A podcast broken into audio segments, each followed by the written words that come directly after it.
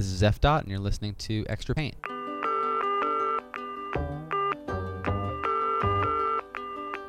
Hey, my name is Eric Friedenson, also known as F Dot. Extra Paint is a podcast for muralists, art lovers, and artists of all kinds. In each episode, we're talking with artists and makers who are truly dedicated to their craft and making an impact in their community. In this episode, we sit down with two insanely talented muralists, Celeste Byers and Johnny Pucci. We talked with them about their work and life as full-time artists, painting beautiful, impactful, and very detailed murals, paying tribute to local people, their cultures, and historical figures. We also shared some behind the scenes of what it's like to actually be a traveling muralist, both the highs and the lows and how they make it work. We recorded this conversation back in 2019 when I was traveling in San Diego. A lot has changed since then, but this episode is still awesome. I'm excited to finally share it with you. If you would like a visual to look at while you're listening to this episode, since you know we're talking about visual art and this is an audio podcast, you can go check out their work on Instagram at Celestial Terrestrial and at Johnny Pucci. That's J O N N Y P U C C I. All right, let's go talk to Johnny and Celeste. Hi, I'm Celeste and I'm a muralist, but I studied illustration and I've been painting murals for 10 years and I have about 60 murals around the world and I've painted in Australia, New Zealand, Sri Lanka, Vietnam, Mexico, and around the US. Damn. yeah, impressive resume. Uh I'm Johnny Pucci. Um currently based in San Diego. I've been here for about 7 years. Uh I'm a muralist, painter, illustrator, custom bicycle painter. I guess kind of jack of all trades part-time carpenter. How did I meet you guys again? I think I met Celeste just like We met in Mexico City. Oh yeah, that's right. So We were Instagram yeah. friends, I think. I think that's I mean, how it I was. was yeah, I followed you on Instagram and then yeah. I think I told you I was in Mexico City. Yeah. And then I was down there out. for a uh, artist residency at Loot and then uh yeah, you were in Mexico at the same time as us and Celeste decided to come down and hang with me for my residency and then you came and cruised by and came to the show and it was good times ever since. yeah. That was fun. And I feel like I've been going back, back to Mexico a lot. Every time I'm there and I pass by Loot, I remember cuz that was the first time I went to that gallery when I met you guys. Mm -hmm. Cool. So, you mentioned that you painted bicycles and you still do that, right? Yeah, from time so, to time. I'm I'm kind yeah. of doing less of that now and more um you know murals and and just focusing on artwork. But um the bicycle painting is a pretty in-depth craft that not a lot of people know how to do quite to the level that um you know I've I've been taught and so it's a skill set that I don't want to lose or or just shelf. I want to keep it going. And bicycles are like his main passion i would say. Like he'll just spend like so much of his time like looking at bike parts on the internet or just like Obsessing. knows all about cycling you know? Yeah he's just so into cycling. That's cool. So how did you transition from that into doing murals? And a lot of people ask me like how do i get started with murals? I'm like well you just paint one and then it leads to bigger exactly, ones and the next yeah. ones. But what maybe there's something that people could benefit from like hearing about how you got into it. Maybe it was like someone took a chance on you and gave you a mural project or how did you get those first few projects? Well, yeah, so I mean for me my background is fine art. Um I went to school in Savannah at Savannah College of Art and Design for painting. Um and I was a bike mechanic all through college, which was how I got into painting bikes. And so then over the last several years I've wanted to start focusing more on art again and less on the bikes and so I befriended a uh, a muralist and designer up in LA, Eric Yunker, and he kind of started hanging out with me and we'd talk and talked about art and murals and stuff. And then he asked me like hey man I got this big mural project up in LA will you come and and help me get it done and crank it out? And I was like absolutely. So then we worked really well together and we've done a handful of murals together. And uh he got a job through Danny Trejo's taco shops up there. They wanted a couple murals from him he didn't have time or I think the desire to do it so he just handed it off to me and so that was kind of my first big solo client. And then that kind of like you said it got the ball rolling and went from doing that one in LA to I did another one for a bike shop in LA um I did some signage for Undefeated and so mostly LA stuff but then that took me to to making some stuff in Russia and then Mexico and um I just completed one in Denver so yeah, it's like like you say, once you do a couple, you you keep on getting at it. You you hone your skills more and more people know about it and so yeah, it's a good way to get started, I guess. How would you describe the style that you both like to paint in or is it is it pretty variable depending on the project? I feel like my work is kind of changing right now, but I I paint pretty sometimes I paint pretty realistically, I guess. Like I mix kind of realistic uh very colorful tropical things with like maybe more design elements. Pretty accurate. Yeah. I feel like your work used to be a lot more kind of like It used to be like a lot more psychedelic and, psychedelic and like kind of more trippy, but now it's getting a little cleaner, but I think it's just like maybe changing with the times and like with my style cuz like I used to just be very into learning about psychedelics and just like I was really into maximalism like like put patterns everywhere. Like Yeah. Literally everywhere. Like I didn't like blank space, but I feel like now it's like the whole everyone is kind of into minimalism at the moment and it's rubbing off. yeah.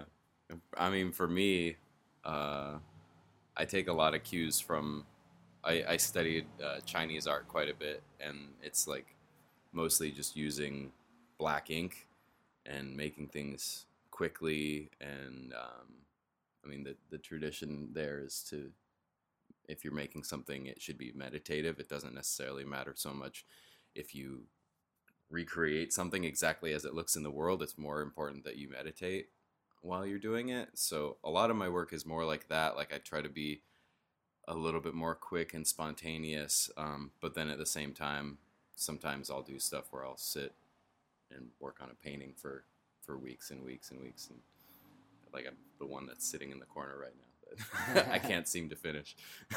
yeah. Can you tell me about that one a little bit?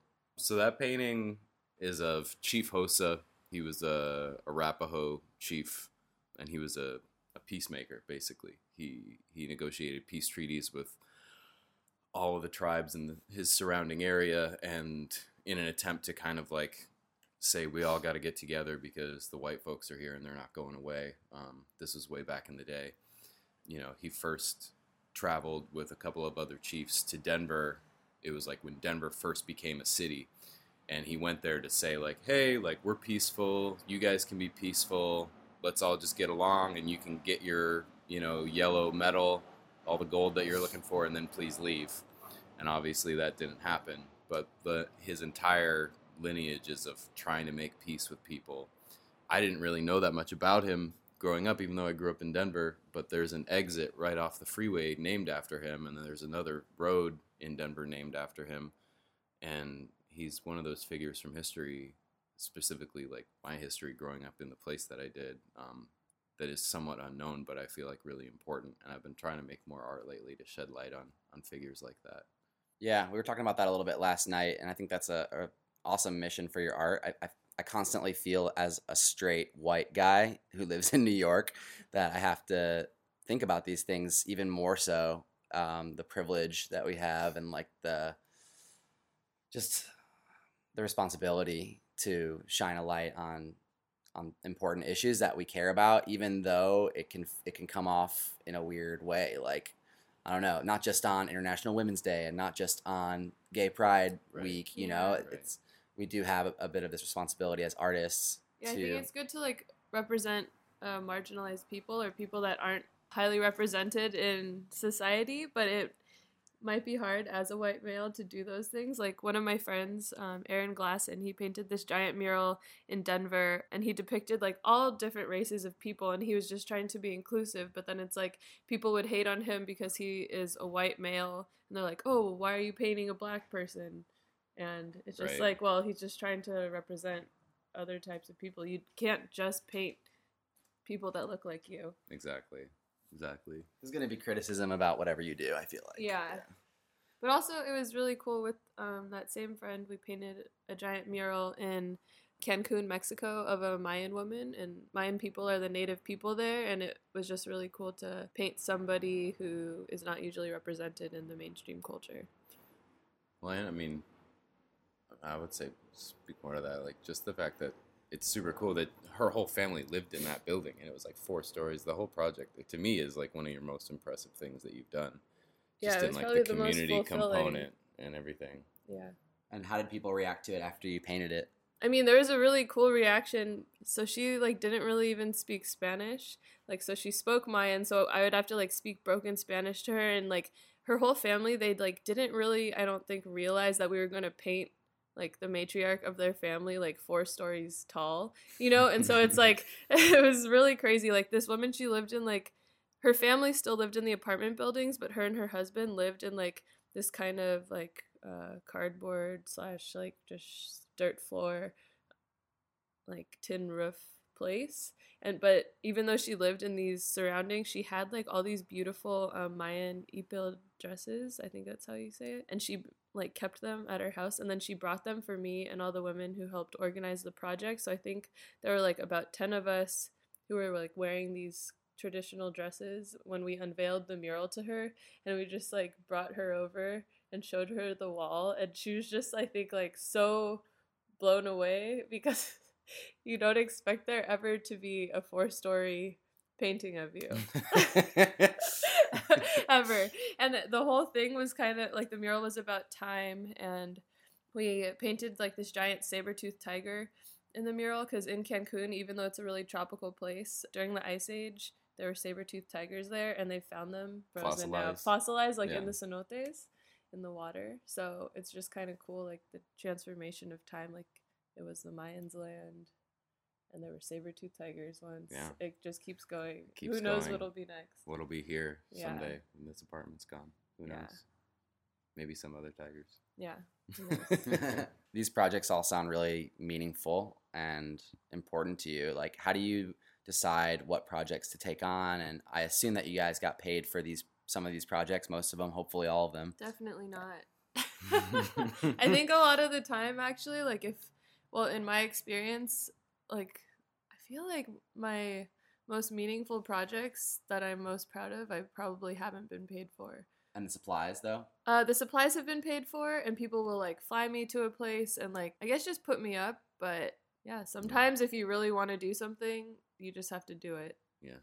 Unfortunately, yeah, it seems like mural painting in general has become such a common thing, so popular. Everybody wants a mural, but most people want a mural as a means to sell whatever it is that's inside the building where the mural is going to be.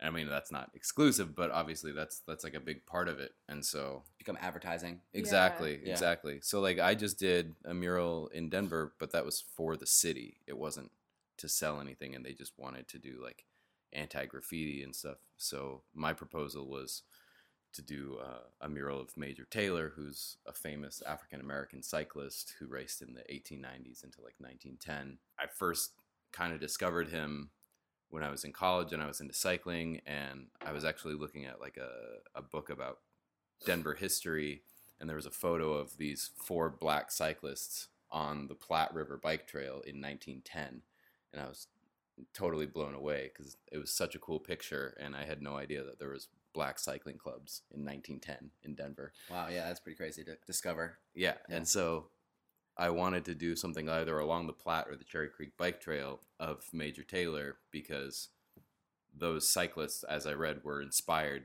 by him to create their cycling club. Cycling clubs popped up all over the country at the time because of him. He was just this incredible athlete, African American figure from history that not a lot of people know about. So I did this proposal and because it's just for the city and it's not, you know, I had, I reached out to several other places in the past to say like, "Hey, I want to paint this guy." And it never really came to fruition because it's like, "Well, this doesn't really do anything for us." But then the city was like, "Yeah, this is great." And then painting it on this bike trail that's like really high traffic in Denver, it was awesome because you got just immediate feedback of people being like, "Who is he?" or being like, "Oh, sweet, that's Major Taylor. I love this." and getting that kind of dialogue and you know people would come by and ask me like who's this guy? And then I would just like stop painting and give them a little history lesson because I would be so excited. But yeah doing projects like that are are just so much more rewarding. And I mean it can still be fun to like just paint designs paint designs yeah. and and make cool pictures and stuff and and that whole aspect is really fun but when you can make it really meaningful that's the when it's the most rewarding obviously. Yeah so I kind of started I'd painted like maybe 10 murals before I started um working with Pangea Seed and they're an ocean conservation organization that started a mural project called Seawalls Artists for Oceans and now they've like helped facilitate like I think like 200 murals around the world about ocean conservation. So I've painted maybe like 10 or yeah, like maybe 10 murals for them, but their whole um theme is like paint for a purpose and so it's like all, every single mural is about a different ocean issue and it's like using art to like actually say something. Hashtag artivism. Hashtag artivism i think.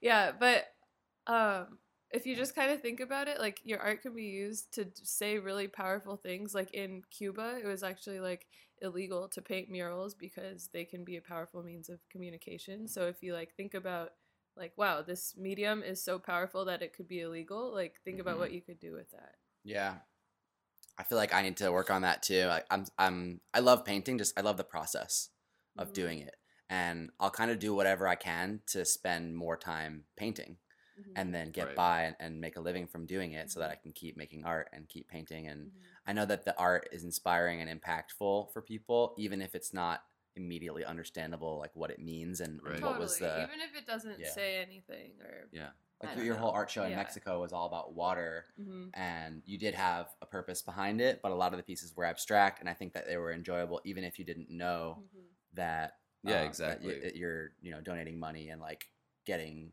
support for these issues like generating awareness for these right. ocean right. issues there's something beautiful about just like a line drawing of a wave mm-hmm. and yeah. yeah yeah and I mean I I love to draw just because I love to draw. It's I don't always even I actually would like get tired of like I don't want to make a piece of art about this other ocean issue. This is getting depressing.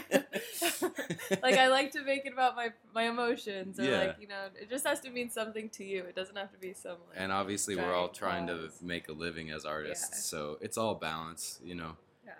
Try to make art that's meaningful as much as possible, but if somebody's going to going to pay you to to paint a bunch of dog faces like a job I got in Texas. Yeah, that's awesome. like that's fun too. Yeah, it, was fun. It was just like world. that mural was for a, a running store called Lucky Dog and I just painted all these dog faces like every breed I could think of and you know, that was also fun because it was just kind of silly and and cute and people came by and wanted to make sure that their breed was there, so that yeah, that can be fun and endearing too.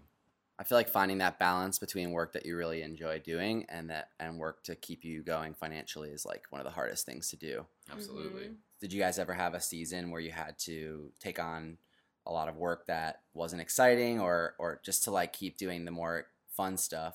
Maybe that's like a constant thing cuz I think it's uh, we're totally distorted these days when we only see what people share online mm -hmm. and we make assumptions thinking that like oh wow this person is just doing this type of work all the time. Yeah. But really they're just presenting it in a way that that looks like they're doing it all the time. Maybe they sh share like the same mural for a week, but they painted it last week. Yeah. And then in the meantime they're working on other stuff that pays the bills. Mm -hmm. Or they still or they have a day job and they just do murals on the side or a part-time job or something. So maybe you can just speak to a little bit of that struggle and like what is it like especially out here on the west coast um trying to get more paid gigs and and keep going balancing uh work that you want to do and don't want to do. You want to handle that one? Oh. Well i experienced this a lot lately i feel like you've been this actually been yeah this has been a big issue lately. in my life. Just cuz uh i guess i got like in this one month i got just like three jobs that like all these people wanted murals and like what they wanted me to paint was like not really what I paint. And it was just like like this lady she asked me to like draw lipstick and like I'm like I would never draw a lipstick like that's just stupid. I don't know. well, maybe I would. I don't know. If it was like for my own thing, but she literally sent me like someone else's work and was like, "I want you to paint something like this." And this other makeup company was like, "Oh, we want you to do all these grapes." And it's like, "I'm not inspired by the grape plant." And so, after like 3 weeks of working on these things, I just really felt like so uninspired and like kind of depressed honestly because I was just like not being able to create what I want to create like it kind of drains your soul I feel like when you're not able to create things that you're proud of. You know like sometimes you work so hard on sketches and then they keep being rejected and you're just like god well, like why am I doing this? But then it's like last week actually like just to make some money I did a sign painting job or we both did a sign painting job but and it's like the people just like I'm not going to share it because it's not my artwork but it pays well and the person just gave me an image like here put this text and this drawing of a flower on the wall and it's like and it was still kind of fun. and it was fun because it's like I I am good at that type of thing and yeah. It's and fine. it was funny the response you were getting cuz oh, yeah. you know Celeste's art is usually so rendered and you know these big beautiful paintings of all these plants and all this stuff and then this was just like some letters. It was just lettering on a wall, and I was getting the uh, like, exact same response exactly. from people, people are coming by, like, street. "Oh my god, you did that! That's incredible!" Yeah, and like people coming by and clapping, like, "Wow!" And I'm just like, "Whoa!" It was kind of funny in a way, just because, like, oh, I guess no matter what you're painting on a wall, if it's big, people are going to be impressed. yeah, it is funny how like you can spend weeks and weeks on one yeah. piece, and then the thing that gets actually more of a response or pays more or is successful in whatever way you measure that could be the thing that took you less than a day or even yeah. whatever, you know. Mhm. I've been trying to think of ways that I can make murals quicker just because the more murals I can make, the more impact I can have mm -hmm. and uh that's, that's just my philosophy. Mm -hmm. I think some maybe I'll, I'll probably go through a season where I care more about making like my best possible yeah. piece and that'll take me more than a couple days for yeah. sure. You know, like good things take time. I don't yeah. disagree with that but I think that there is something to coming up with your own sort of formula for how to make art and like making your own process is really important. Mm -hmm. Don't just use the tools that are recommended and like find your own tools, maybe even create your own tools. Like I know some artists that make these devices where you can paint with multiple spray cans at once like oh, yeah, a. So yeah. Was just doing that, right? It's super cool. Yeah. yeah. I just saw something the other day, I think on Instagram of some guy. It looked like he was using you know those sprinkler things that you have in the yard where you you screw a hose into it and it goes back and forth and has like 10 streams of water. he had that hooked up to like a compressor and a bunch of paint and it was just like running alongside this wall and it was creating all this crazy shapes and that stuff. Yeah. Oh, that's what yeah, it was. Yeah. Very on point. but yeah, that was awesome. Yeah. I was just like, "Oh man, I want to make one of those. That yeah. looks super fun." Sounds like there's no wrong way to do it. That's the great thing yeah, about art. Yeah, and it's all yeah. balance. Maybe we could talk a little bit about that controversial-ish question that I had for you guys. Oh, okay. So, last night we were talking about how online you're seeing a lot of tutorials these days and like online classes about how to get started with especially with design and then now more even with art. So, how do you feel about when muralists are sharing their secrets because this industry, especially like the street art world, people don't even want to show their face. Like there's uh -huh. a lot of uh secrecy and I think people just they use the art to communicate what they want to say and they don't really do that much other communication. That's kind of the way it's been for a long time for the majority of the mm -hmm. the street art world and well, even some of graffiti. I feel yeah. like it's always like traditionally like you pass down different technique so it's like someone has to show you how to hold the spray can a certain way or like they show you like I was about to just tell you something. Someone told me how to do to make the uh pressure lower but I'm not going to tell you cuz he told me not to tell anyone. Yeah you know like stuff yeah. like that. Like it's just like a secret like but now it's like people are putting stuff like that on the internet so I guess it makes it a little less special but I guess that's the world well, we live in. yeah it's a tough it's a tough debate because on the one hand, on the one hand you're democratizing art. And so in theory there shouldn't be anything wrong with more people making more art and mm. creating more beautiful spaces, but at the same time there's a certain frustration to just having people like, "Oh, I watched this thing on YouTube and now I'm painting these murals" versus somebody who's, you know, in Celeste's case worked at it for a decade and you know done all these jobs for free and hustled her butt off to get to where she is to build this reputation and build these skills and and spend time with other people or me I haven't been doing it for that long but the way I started was by like reaching out to other artists and trying to talk to them and and actually sitting down one on one and having conversations or going and working for free to help paint something that they're working on. And so it's like you know when you put in the actual effort to learn something versus just like, oh, I watched this thing on YouTube, you know. I I see both sides and it is kind of like that slippery slope, you know, it's controversial and for for for good reason. But yeah, I don't know what the what the right answer is to that. I think it's it's a tough call. I feel like I kn- I've talked to like a few other artists who really don't like that the sharing online is happening. This one artist I know it's like he's developed this technique and like this whole style and actually it's like it's pretty simple but it's like it took him like a long time to develop it and it's like he taught me how to do what he was doing and I use this one technique that he does but it's like if everyone knew it then everyone could replicate his murals and then it like puts him out of a job, you know so it's like it creates more competition like if he had shared online like oh this is how i do it then everyone can do it and like people who haven't been doing it for a long time they'll do it for cheaper than him you know cuz he's like a professional and now yeah. it's making it so anyone can do it and like i just saw something the other day about like projecting or you know and it's just like oh well if you just anyone with a projector can paint a mural now i think it's unavoidable yeah. this sharing and learning cycle that we're seeing. I've been a proponent for a long time of sharing things that I'm learning along the way and I make it really clear that I'm not an expert in this stuff. Mm -hmm. I'm just learning. And even though I've been painting and doing design and all kinds of different art for over like 15 years really since I like finished high school. It's still all a work in progress and people can do with it what they want. I'm not saying this is the way mm -hmm. to do it. Actually like after I finished college, I worked with some sign painters. Mm -hmm. I did my whole senior thesis in my in college about sign painting and then afterwards I was like I need to learn the craft instead of just oh. designing stuff about sign painting.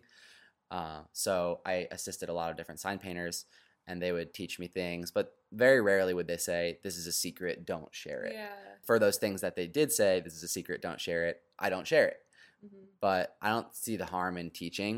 Um I think that it's it's really cool that people can can replicate. I think when people are worried that other younger people are going to come in and steal their business, mm -hmm. I think that's coming from a place of scarcity. Mm -hmm. It's coming from a place of I don't know if I can survive if there's all these people taking my jobs.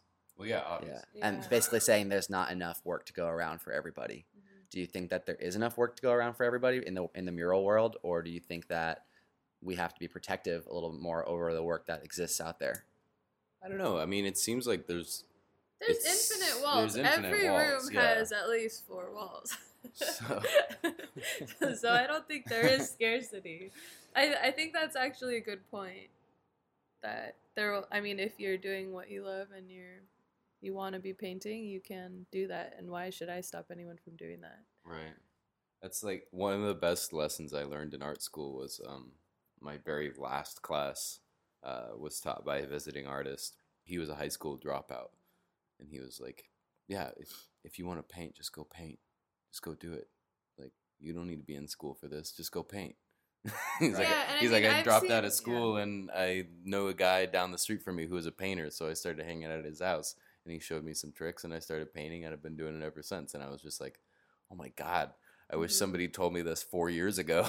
and it's cool how much stuff you can learn on the internet. I mean, not just with art, but it's like Johnny spilled wine on my blanket the other night and then it's like he just looked up how do you get wine out of a blanket and he got it out in like 5 seconds and yeah. it's like wow that's so cool. Yeah.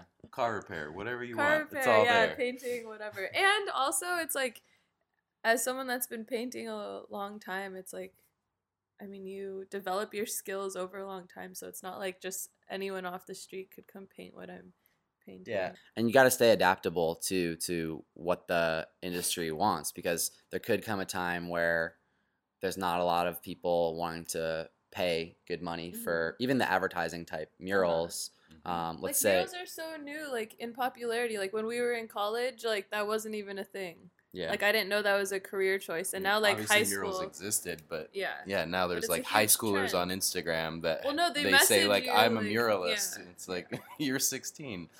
Yeah. I think it's just the the culture that we're living in, where everybody wants to share that cool image of what they're doing, and a mural background or like the process of it is interesting. Absolutely. It's handmade. People are tired of all the digital stuff. Yeah.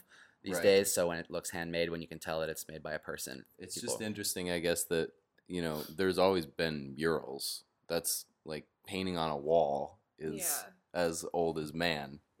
you know, mm but it's just that like and commercialized. It's become such a popular thing where it's like, "Oh, are you opening anything, coffee shop, hair salon, whatever?" It's like, "Well, where's your mural?"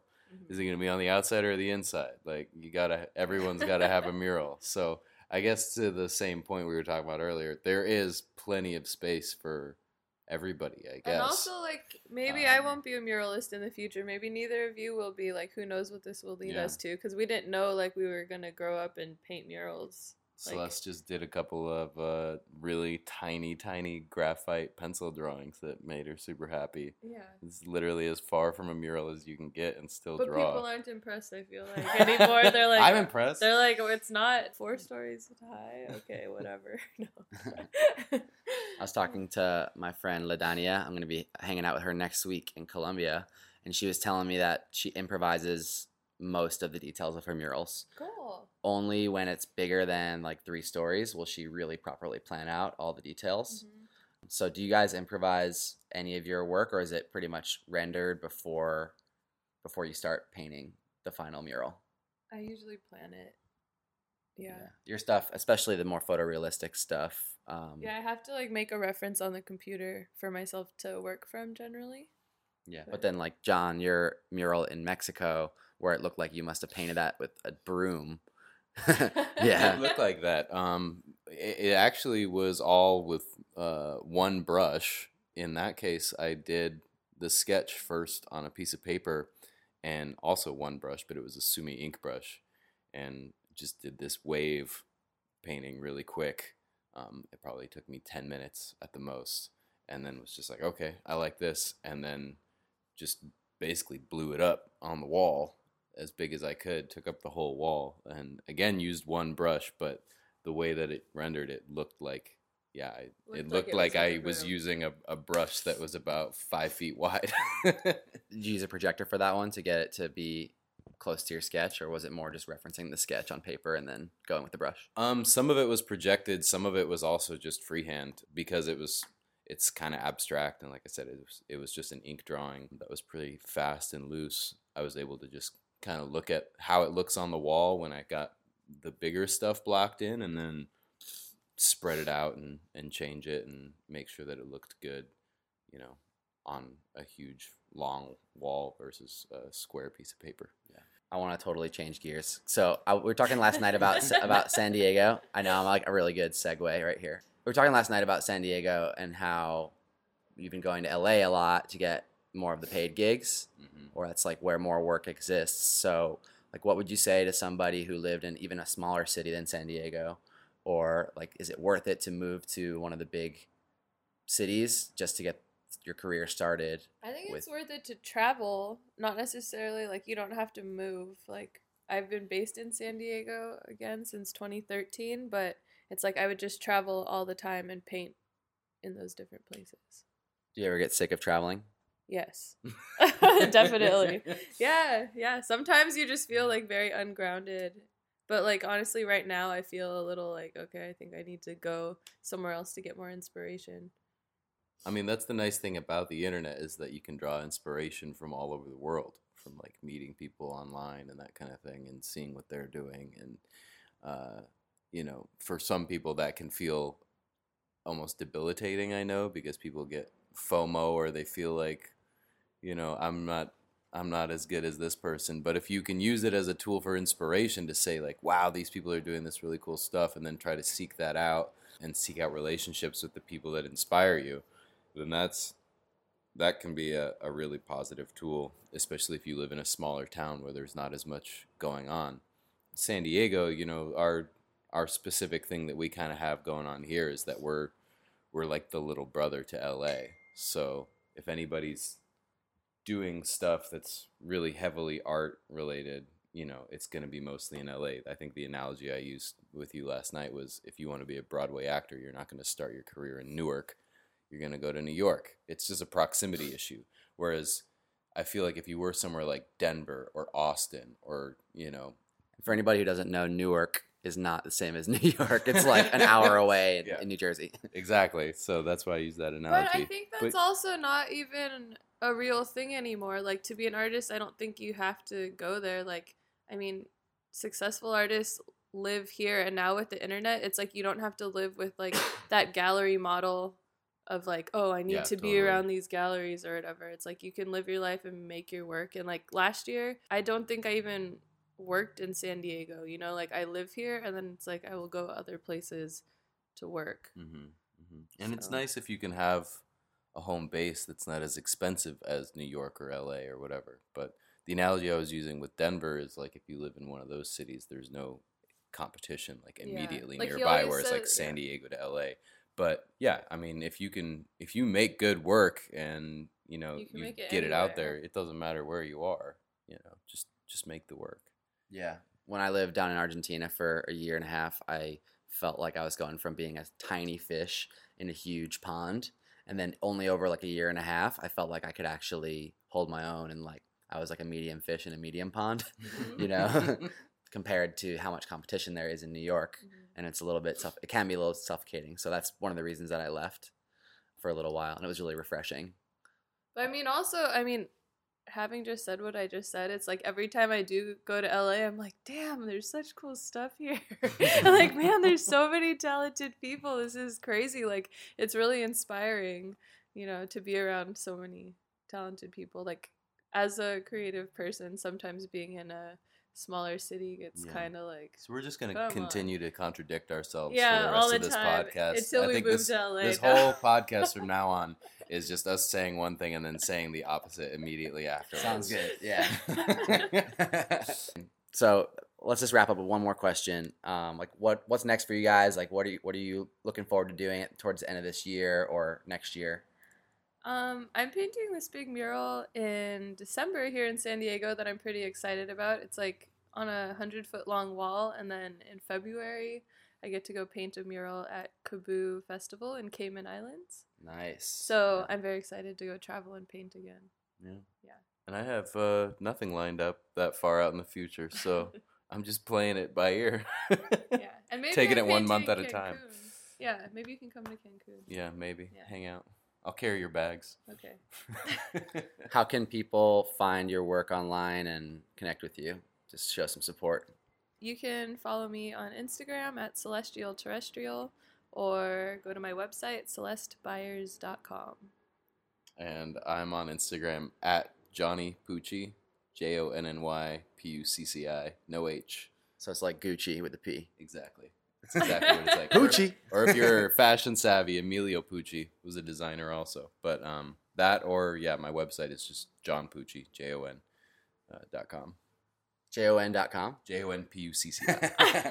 There you go. John.com. yeah. John dot com. You should get I got that. it. Yeah. I'm sure All right. somebody has John dot com. Definitely go check out their work if you want to hear if you want to see what we were talking about uh in this conversation.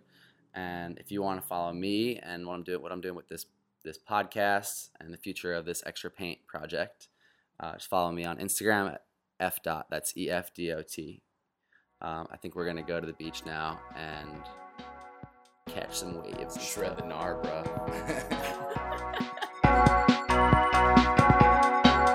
and there you have it, another episode in the books. I had a great time chatting with Johnny and Celeste. I hope you loved hearing their stories.